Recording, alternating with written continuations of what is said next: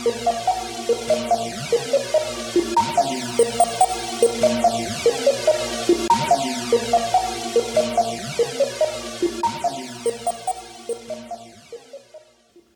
bij aflevering 17 van Moordzaken, de podcast.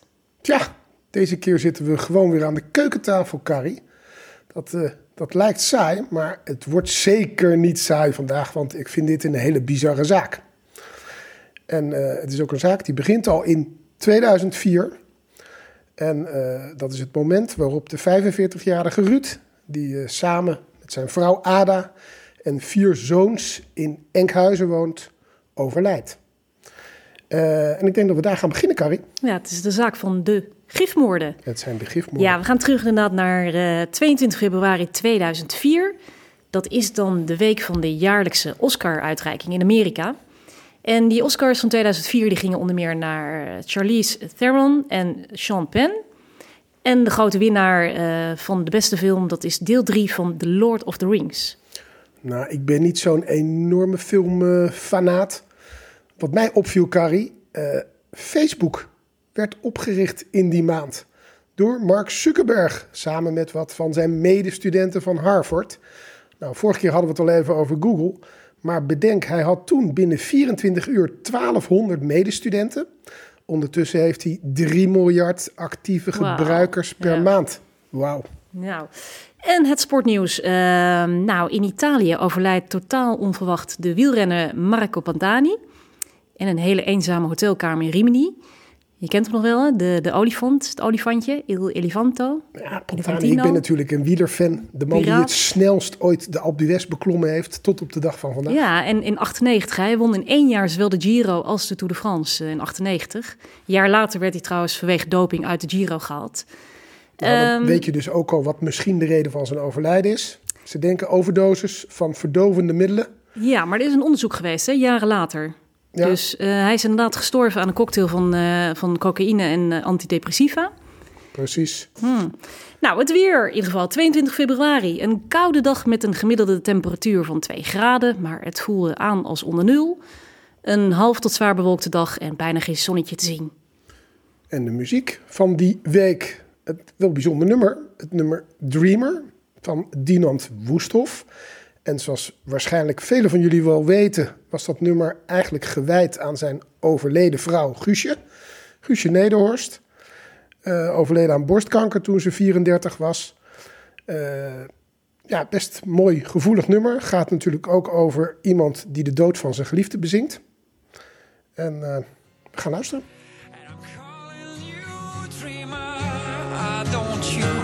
Don't you ever wake up, no,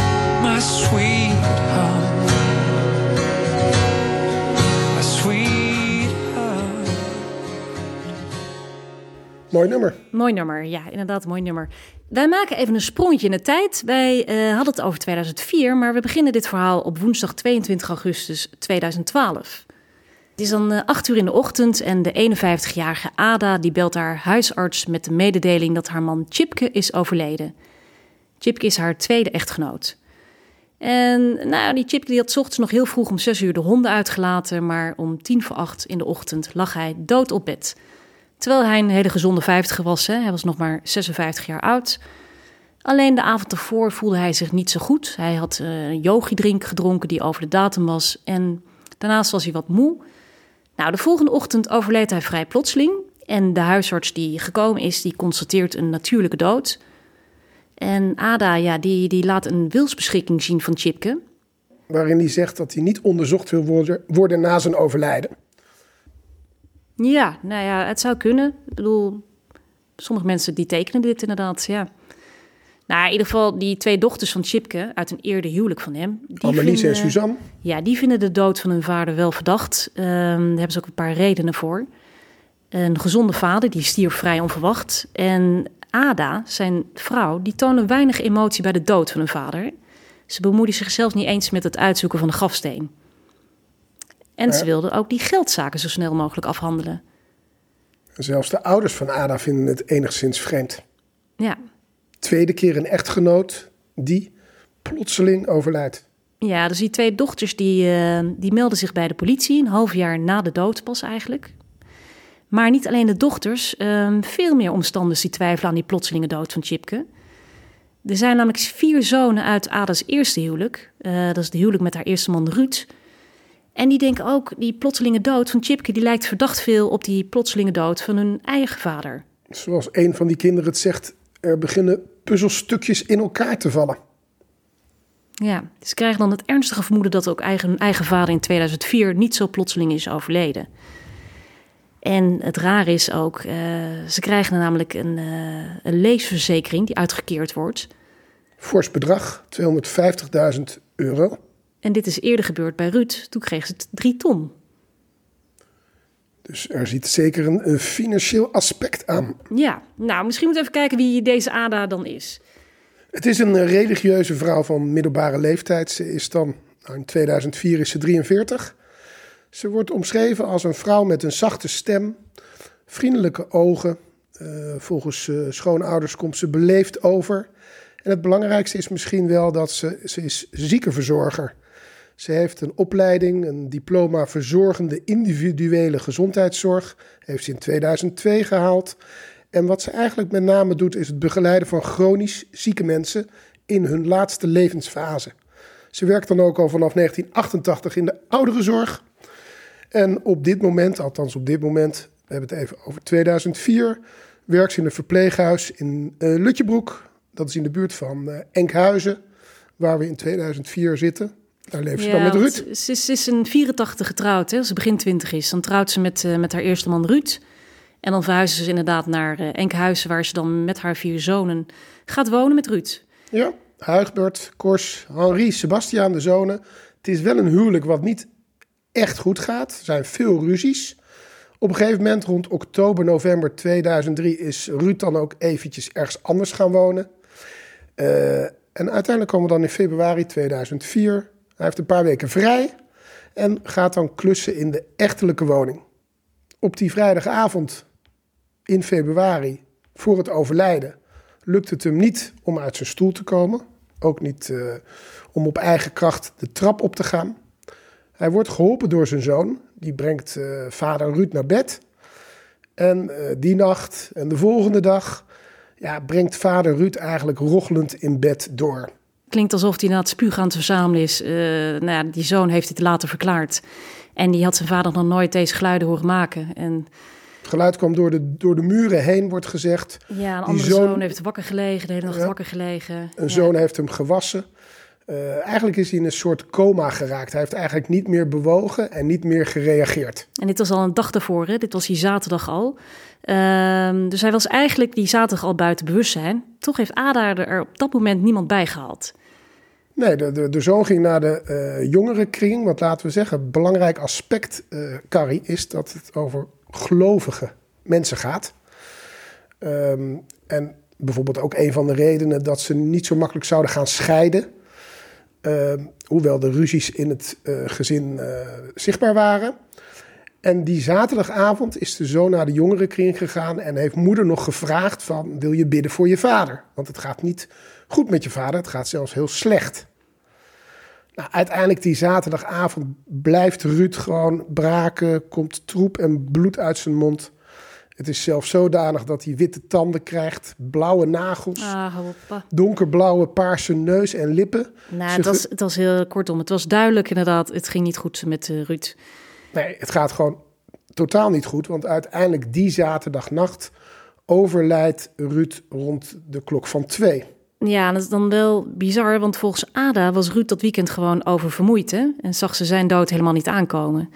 Dus uh, dat is best wel eigenlijk opmerkelijk, want Ada was natuurlijk al jarenlang werkzaam in die diverse verpleeghuizen. Dus zij ziet echt wel het verschil tussen oververmoeid zijn en doodziek zijn. Ja, zij zou dat moeten herkennen. Ja. Maar ze heeft dus niet eens even contact opgenomen met een huisartsenpost. Er is eigenlijk op geen enkel moment medische hulp geweest. Nee, en de huisarts die dan na zijn dood langskomt, die stelt dan vast dat die doodsoorzaak onbekend is, of in ieder geval een hartinfarct. Maar dan wel met uh, het weten, nu achteraf, Ada die had hem voorgelogen, die huisarts, dat de drie broers van Ruud ook al uh, te maken hebben gehad met uh, hartinfarcten. Achteraf natuurlijk ook een leugen. Daar zullen er nog meer van volgen, Carrie. Ja, Leugens. als ik, als ik dit zo heb gelezen en voor mezelf dan een voorstelling maak, hè, als je dit visualiseert, dan moet dit een verschrikkelijke dood zijn. Dus dat je totaal hulpeloos overgeleverd wordt aan iemand waarvan je denkt dat je hem kan vertrouwen. Eh, de moeder van je vier kinderen. En er waren nog vrij jonge jongens, dus die hebben dat ook wel deels meegekregen, maar hebben dat ook natuurlijk niet helemaal beseft wat er gebeurde. Ja. Nou, na die plotselinge dood van Ruud verhuist Ada met haar eh, vier zonen, of tenminste met haar kinderen die nog thuis wonen, naar Franeker. En krijgt ze een relatie met eh, de Friese Chipke, zelf ook al vader van twee dochters. En daar gaat ze mee trouwen, eh 4 april 2008. Ja, ook een huwelijk dat niet van een leien dakje gaat. Hè. Ook veel ruzies. eh, ook een tijdje gescheiden van elkaar eh, geleefd. Al vrij snel zag ik, in augustus 2009. Ehm, en ook hier geldt eigenlijk weer hetzelfde, Carrie. Vanuit religieus oogpunt kunnen die mensen blijkbaar niet scheiden van elkaar. Eh, overigens, nadat ze even niet samenwoonden, wonen ze vanaf 2010 weer wel in hetzelfde huis. Maar ja, je ziet een beetje hetzelfde patroon. Ja, en dan eh, ook voor Chipke loopt het slecht af, want hij sterft dan in 2012. Eh, daar begonnen we dit verhaal natuurlijk ook mee. Ja, Chipke ehm, die woonde op dat moment eh, alleen nog thuis met eh, Ada. Hij heeft dan wel twee dagen voor zijn dood contact gehad eh, met zijn dochter. eh 20 augustus rond half twee. En daarbij heeft Chipke eigenlijk nooit iets gezegd over zijn gezondheid. Of in ieder geval laten weten dat het niet zo goed met hem ging. Dus we kunnen daaruit opmaken dat hij zich twee dagen voor zijn dood eigenlijk nog vrij oké voelde. En buiten Ada heeft niemand meer contact met Chipke gehad vanaf 20 augustus. Nee, dus hier weten we echt heel weinig van. Nou, het enige wat we weten is wat Ada dus zelf heeft verklaard. En die schijnt die dagen dus wel wat e-mailtjes te hebben gestuurd, wat mensen te hebben gebeld. Ehm, zo heeft ze dus op 20 augustus om half tien een e-mail verstuurd aan een kennis... waarbij zij beschrijft dat, eh dat Chipke heel ziek is en diep in slaap is.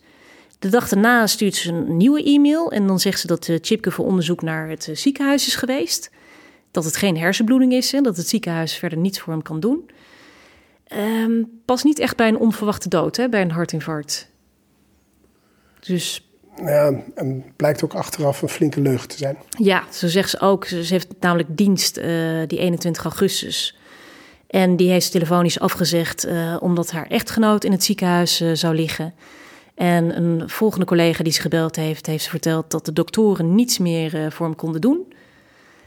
Ja, dus er zijn meerdere getuigen die ze die dag voor het overlijden heeft gebeld met deze niet kloppende verhalen. Ehm, want we kunnen nu achteraf stellen, in de periode van 20 augustus tot en met het overlijden van Chipke op 22 augustus, is er geen bezoek gebracht aan enig ziekenhuis of op andere wijze hulp ingeroepen van een arts. Nee, dat klopt. Later blijkt wel dat ze wat digitale sporen heeft achtergelaten, Carrie. Komen we nog op. Ja, ja. Alle elementen die je kunt bedenken zitten in deze zaak. Ja, nee, zeker. Nee, dus inderdaad, er komt een onderzoek. En naar aanleiding van die twijfeling bij die kinderen van Chipke start de politie inderdaad een onderzoek naar Ada. Nou, wat doe je als eerste? Dan ga je toch kijken, wat is het motief? Nou, dat is al vrij snel. Die levensverzekering is in ieder geval eh, heel helder. Enorm Ja. bedrag. Ja. En natuurlijk de echtelijke ruzies, dus de relationele kant van de zaak. en er niet kunnen scheiden. Ja, nee, dus ehm, je vertelt het al, die levensverzekering. Op 26 juni namelijk, 2012, heeft Ada, zonder medeweten van Chipke, op zijn naam een overlijdingsrisicoverzekering aangevraagd en daarbij zijn handtekening vervalst. Nou, dat heeft ze enorm slim gedaan. Want ze heeft een ander postadres heeft ze opgegeven. Namelijk het adres van haar zoon. Waarschijnlijk een uitwonende zoon.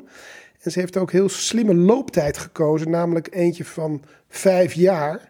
Dat betekent dat je geen medische keuring nodig hebt. Dus zij heeft dat gewoon helemaal op eigen titel kunnen doen. Dat best, eh, vind ik, vind Ja, ik best over nagedacht. Ja, precies. Helemaal te weten dat ze dus vlak voor die dood, op 20 augustus, twee dagen voordat Chipke overleed, heeft ze weer een e-mail gestuurd aan de verzekeraar met een adreswijziging om het adres weer terug te wijzigen. Ja, dus hier is- hier is echt over nagedacht. Ja. Dan moeten we Ah. blij zijn dat het NFI wel gewoon de vervalste handtekeningen vrij snel uitpikte. ja, en daarmee dat ze dus ook twee bewijzen tegen Ada hebben. Dus die valsheid in geschriften en oplichting van de verzekering. Ja, en daar confronteren ze haar ook mee. En ze bekent dan uiteindelijk ook dat ze die valsheid in geschriften en oplichting eh, heeft gedaan. Ja. Eh, ja, ze, Het is wel die politieverhoren, dat is ook heel opmerkelijk. Die zijn dan bijgewoond door twee recherchepsychologen. Ik weet niet of dat normaal is, maar ze komen zo vrij snel achter. Ada, die, eh, die liegt nogal veel. Daar is een mooie naam voor, Carrie. Ze leed aan pseudologia fantastica. Ik hoop dat ik het goed uitspreek. Maar het betekent chronisch excessief liegen en dat dat ook een beetje onderdeel van je persoonlijkheid wordt. Uh, ik moet zeggen, Carrie, ik heb ook wel eens iemand in mijn leven ontmoet die daar last van had. Het is best heftig. Je gelooft gewoon in je eigen verhaal. Nou, zat ik tijdens het verhoor, dat verhaal komt dan ook boven water. Hè? Dat ze een, uh, een uh, baby had die voldragen was en die overleden is. En dit is gecheckt en bleek natuurlijk niet te kloppen. Althans, er was geen info over een baby te vinden. En dat bleek achteraf om een miskraam te gaan. En dat Ada daarop dus verklaart: in mijn hoofd was het voldragen. Dus bij haar lopen fantasie en werkelijkheid dus volledig door elkaar. Nou goed, dat, dat onderzoek loopt door en die rechercheurs gaan al haar sporen na en checken dus ook al haar gegevens. Hè? Dus haar uh, computer, uh, haar bankgegevens, haar telefoon. Daar halen ze best veel interessante dingen uit, moet ik zeggen. Haar laptop had ze overigens bij het grofvel gezet. Ja, maar die hebben ze er toch nog even uit weten te pikken. En die hebben ze toch wel vrij uh, grondig onderzocht. Ze hebben er e-mails uitgevist, maar daarnaast ook een aantal zoektermen op internet. Het zoeken naar allerlei medicatie. Nou, dat is een waslijst van allerlei uh, stofjes die allemaal op uh, am of lam eindigen. Ja, ja, ja. Nee, en ja, ook... diazepam, uh, midazolam, codeïne. Hoe lang blijft midazolam in je bloed? En overlijden aan te veel Nova, Novorapid, dat is insuline. Ja. Daarnaast zoeken ze ook bijvoorbeeld op uh, bloemstukken en een grafstuk. En het maken van een grafstuk met, met zonnebloemen. Dat is ook best apart. Ze verklaart dat later zelf dat ze regelmatig bij het graf van haar eerste man zou komen. En dat die van zonnebloemen houdt en dat ze dat zou willen maken voor hem. Uh, nou, dat is helemaal ongeloofwaardig, hè? Want volgens die begraafplaatsbeheerder uh, werd het graf van haar eerste man Ruud nooit bezocht. Nee. In ieder geval was Ader al zeven jaar niet geweest. Nee, en het blijkt ook uit de rouwadvertentie van haar tweede man dat die juist van zonnebloemen hield. Dus het is, uh, is een lastig verhaal. Ja, en ook die zoektermen waar je net over had, hè, die had ze dan opgezocht samen met, met Chipke naar aanleiding van een artikel. Want Chipke die vond dat ze bij moest blijven op haar vakgebied. Uh, nou, ook dat artikel is natuurlijk weer teruggezocht, ook nooit gevonden. Dus, en hetzelfde geldt over het zoeken naar codeïne. Dat uh, zou haar schoondochter uh, gebruiken. Nou, die wist ook nergens van en die had nog nooit codeïne gebruikt. Dus ze heeft overal wel een verklaring voor. Alleen die kloppen allemaal niet. Um, nou, dat onderzoek gaat door. Dat rechercheteam onderzoekt dan ook uh, um, die wilsverklaring die zij heeft opgesteld. Ja, dat noemen ze zelfs een negatieve wilsverklaring. En dat betekent inderdaad dat je na je overlijden niet onderzocht wil worden. Uh, en uiteindelijk vinden ze ook uit dat als je dat gaat opzoeken, dat je dan dezelfde hits krijgt. Ja, ook op als, internet. Hè? Op ja. internet als zij doen. Uh, tenminste, als de onderzoekers ook vinden, zelfs een jaar later. Um, ja, en het schijnt dus dat ze inderdaad twee dagen voor het overlijden... heeft ze dus deze zoektermen op het internet uh, ingetoetst. Dus uh, ook daar is natuurlijk. En zijn handtekening stond er zelf niet onder. Hè? Dus zijn naam stond ondergetypt, maar het was nooit ondertekend. Nee, maar ze had hem wel even slim laten zien en meegezwaaid toen de huisarts na het overlijden kwam.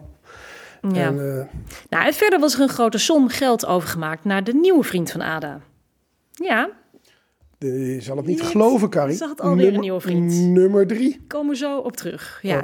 Ja, want er zijn natuurlijk genoeg verdenkingen richting Ada om verder te speuren. Alleen dan heb je dus wel een doodsoorzaak nodig. Dus wat gebeurt er? Ze gaan de lichamen opgraven.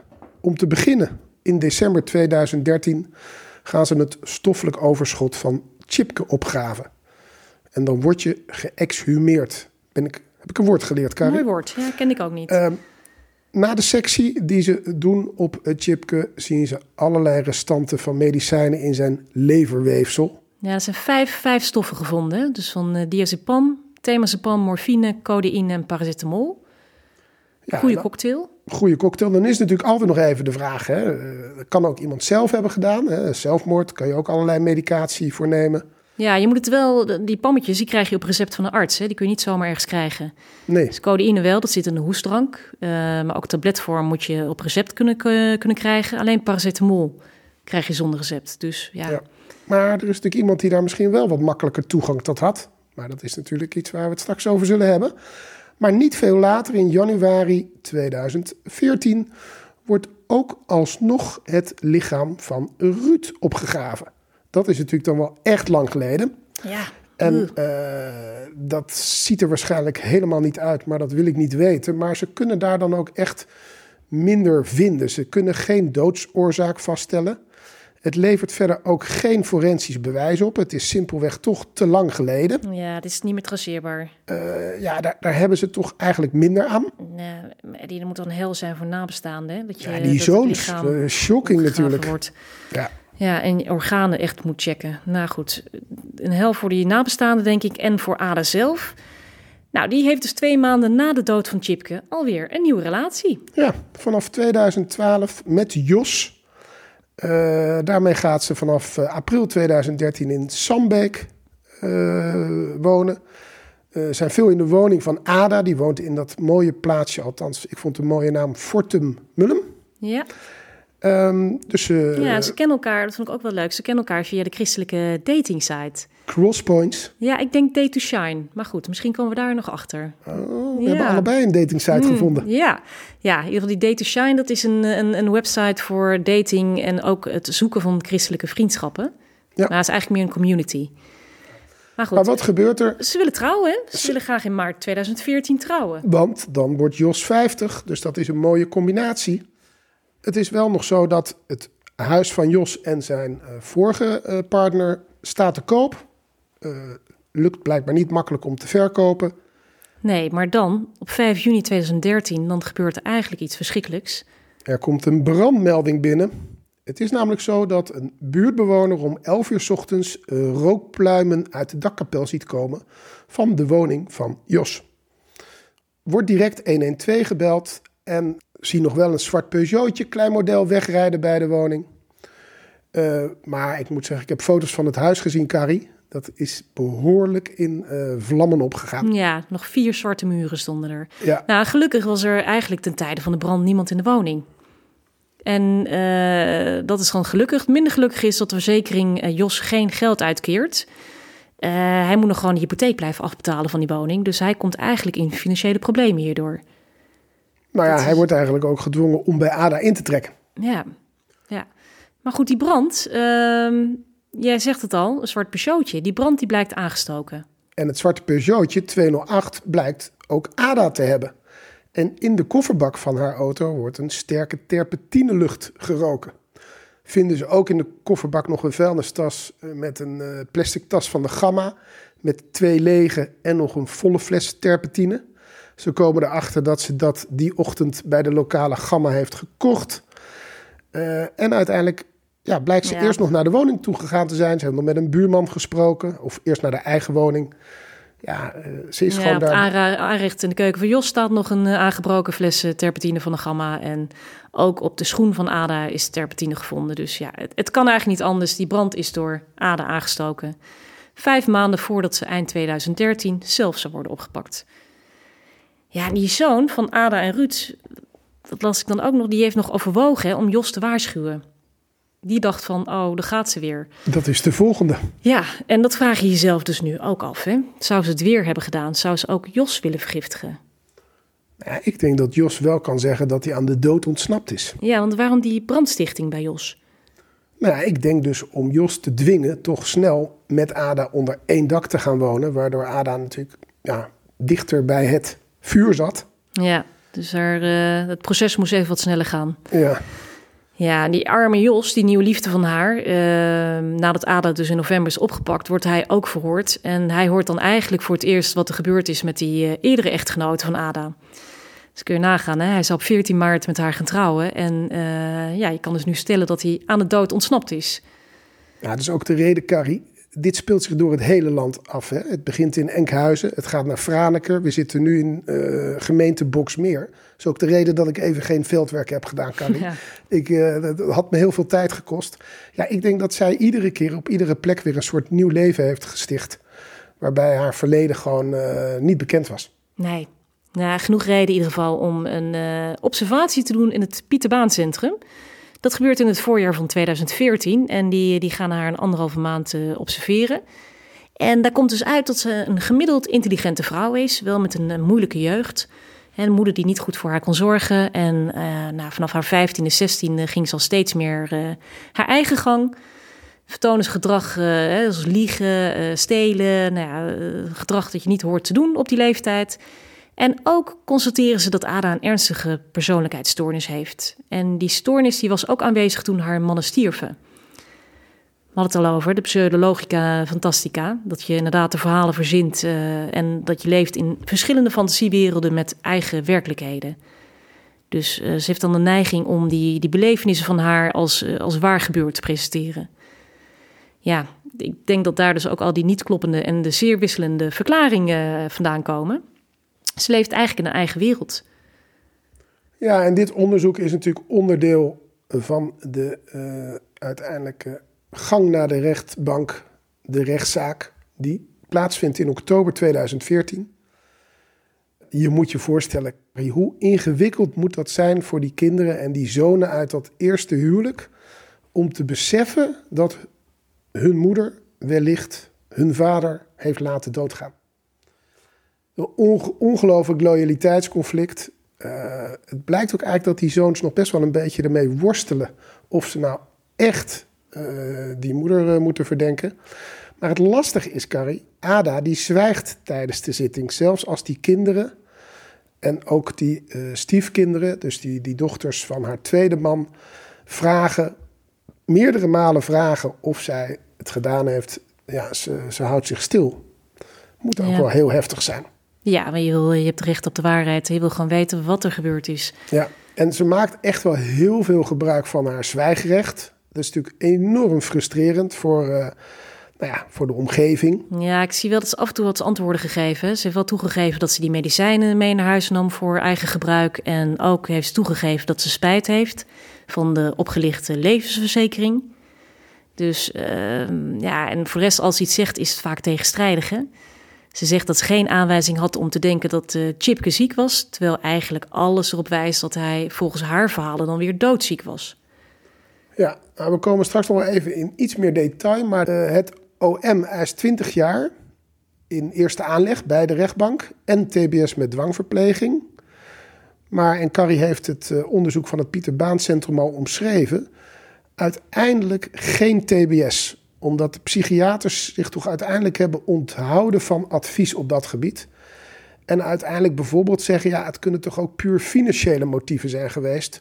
Of het kan toch ook puur re relationeel geweest zijn, omdat die huwelijken niet goed liepen. Dus best wel verrassend, denk ik, dat er geen TBS met dwangverpleging uiteindelijk uh, komt. Het zal dan ook niet verbazen dat zowel ADA als ook het OM in hoger beroep gaan. Ja, ik vond het wel mooi, maar volgens mij was het wel bij de rechtszaak dat... Uh Henk Maus, de officier van justitie, die begint uh, de zaak met een uh, bekende quote van Sherlock Holmes. Nou, die, die ken ik ook, Carrie. Ja, als je het onmogelijk hebt uitgesloten, dan is wat overblijft de waarheid. En dat heeft hij natuurlijk ook gedaan. Hè. Ze hebben dus alle mogelijke scenario's weggestreept, zodat er eentje overblijft. En dat is inderdaad moord. Dus het OM die zegt voldoende bewijs te hebben om, om Ada te vervolgen voor, voor moord op haar tweede man Chipke. Dus misschien nog even goed om al die punten nog een keer te zeggen. Nou, even, even goed om aan te geven waar ze nou daadwerkelijk wel en niet voor veroordeeld is. Ja, nou, dus, dat is inderdaad de moord van Chipke, op Chipke, um, haar tweede echtgenoot. Dus zij sloot enkele weken voor zijn dood een levensverzekering op zijn naam af. In de twee dagen voor het overlijden van hem zocht ze inderdaad op internet op die negatieve wilsverklaring. En die wilsverklaring heeft ze ook opgemaakt. Chipke zette echter nooit zijn handtekening daaronder. Uh, op de computer van ADA is natuurlijk regelmatig gezocht naar die giftige stoffen en de dodelijke werking daarvan. Dat en, grafstuk. Uh, het grafstuk met de zonnebloem inderdaad. De lievelingsbloemen van uh, Chipke. En ze heeft dan enkele mails gestuurd waarin ze schreef dat hij ernstig ziek was en niet meer aanspreekbaar. En ze heeft één dag voor het overlijden telefonisch verteld dat hij spoedig zou overlijden. En daarnaast inderdaad de klapper nog de e-mail die ze naar de verzekeraar heeft gestuurd waarbij ze doorgeeft dat ze zijn verhuisd. Ja, en ook natuurlijk uh, de slaapmiddelen die verdwenen waren op de werk. En uiteindelijk het toxicologisch onderzoek nadat het uh, lichaam was opgegraven. Denk ik heel belangrijk. Ja, Al die bovenal, bevindingen. Ja, bovenal natuurlijk het, het motief dat ze had hè, om haar man uh, om het leven te brengen. Dus... De verdediging denkt overigens hier nog wat tegen in te kunnen brengen. trouwens, even aardig om te zeggen: de advocaat is Mirjam de Vilder van ADA. En die zegt, ja, het is niet wettig en overtuigend bewezen. Nou, dat zou dan zijn, ze had last van depressiviteit. Er is ook een uitleg voor al het internetgedrag. Daar heeft Carrie al iets over gezegd. Ja, het is natuurlijk wel heel lastig. Om... Nou, en alternatieve scenario's. Hè? Dus Chipke zou zelf die medicijnen hebben kunnen innemen. Of inderdaad echt een hartstilstand. Ja. ja. Nou dan misschien even terug naar Ruud. Bij Ruud uh, is het zo dat ze uiteindelijk zeggen: ja, de doodsoorzaak is feitelijk nog onbekend. En ze hebben natuurlijk ook niet daadwerkelijk harde bewijzen kunnen vinden, in ieder geval niet toxicologisch. Maar daar zeggen ze ja, het mag wel duidelijk zijn dat Ada heeft nagelaten om uh, hulp in te schakelen. Hè? Ada die wist dat Ruud niet meer kon opstaan. Dat heeft ze gezegd tegen haar zonen. Ze heeft uh, troep en bloed van zijn mond geveegd. Dus ze wist dat hij daar heel slecht aan toe was. Uh, ze heeft ook aan andere mensen verteld over dat ze symptomen herkende van doodgaan. Dat was ook haar vak. Ze heeft de kinderen nog verzocht om te bidden in de kerk. Ze heeft nog aan de zonen verteld: jongens, jullie moeten met het ergste rekening houden voor je vader.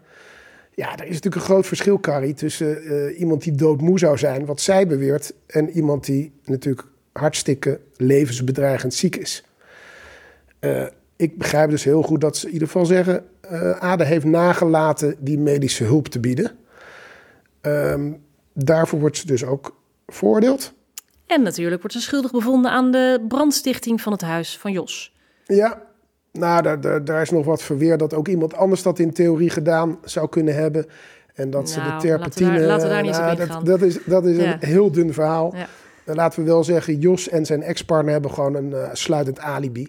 Dus uh, nou, ook daar wordt Ada voor... Het Hof vindt inderdaad ook, ze is berekenend en planmatig uh, te werk gegaan hè, bij de dood van Chipke. Dus, uh... Ja, maar ik denk het belangrijkste bij het hoger beroep is dat er alsnog naar het Pieter Baan Centrum uh, rapport gekeken wordt. Eigenlijk willen ze dat in september 2015 actualiseren. Maar daar wil ADA om haar moverende redenen niet aan meewerken. Dus uiteindelijk kijken ze toch weer naar dat eerste rapport, wat uh, Carrie al omschreven heeft. Ja, en ja, ze zeggen dan uiteindelijk toch op basis van datzelfde rapport ja, hoe verstandig is het om deze vrouw weer in onze maatschappij, samenleving los te laten? Um, het blijkt namelijk dat zij dus heel moeilijk vindt om niet samen te zijn. Hè. Ze heeft steeds ook weer een partner binnen, binnen hele korte tijd. En of eerst hing ze heel erg aan de ouders, later aan de partners en aan de kerk. Uh, dat geeft haar een identiteit. En die, dat heeft ze dus blijkbaar nodig. Nou, wij weten ondertussen hoe het met die partners kan aflopen. En uh, ja, geeft geen garantie over het feit dat het in de toekomst beter zou gaan. Nou, ik zou het wel weten, ja. Uiteindelijk is de uitspraak van uh, het Hof is iets kortere uh, celstraf, namelijk 16 jaar, maar wel met TBS met dwangverpleging. Ja, dan die, die iets lagere gevangenisstraf is eigenlijk omdat Ada dan door haar persoonlijkheidsstoornis niet volledig toerekeningsvatbaar is hè, voor haar daden. Ja, 16 jaar met TBS. Ja. Nou, de verzekering uh, Legal General die, uh, die claimt nog even het uitgekeerde bedrag van 250.000 euro terug. En die heeft ook aangifte gedaan. Ada zelf ontkent uh, tot op de dag van vandaag. Die heeft niets te maken met de dood van haar mannen. Ze gaat dan ook nog in uh, cassatie bij de Hoge Raad. En daarbij wordt ze verdedigd door uh, Gerard Sprong. Die kennen we uit andere zaken. Ja, die zegt dan ook hè, dat hij uiteindelijk dosis medicijnen die Chipke heeft gekregen, nou, dat kan nooit meer vastgesteld worden. Dus er is geen doodsoorzaak te achterhalen. En uh, nou ja, voorbedachte raden, dat weet hij ook niet. Ze zou het ook in een opwelling hebben kunnen doen. En hij vindt de TBS die ze opgelegd krijgt, vindt hij onbegrijpelijk. Want uh, Ada zit vast tot 66 jaar. Nou, hoe gevaarlijk kun je nog zijn uh, voor mannen als je 66 bent? Ik denk dat ze dan vrouwen ik, van 66 onderschatten, Carrie. Dat was mijn zin, Eddie. Ik denk dat oh. Spong... die, die halen er nog even uit. Ik denk, Eddie, dat Gerard Sprong de 66-jarige vrouwen zwaar onderschat. Die zijn echt wat tot meer in staat. Ik snap wel waarom Sprong dat onderschat. Ja. Oké. Nou, die cassatie wordt inderdaad afgewezen in 2017. Nou... Jee, dit is inderdaad wel. Uh, ze, zit, ze zit vast. Ada zit vast. Um, ja, gifmoorden, Eddie. Dat is, is, een thema. Nou, het is nou. vooral populair bij vrouwen. Ja, Nee, het is zeker... Stiekemer, wij zijn niet stiekemer. Ja, en je hebt er natuurlijk ook geen kracht voor nodig.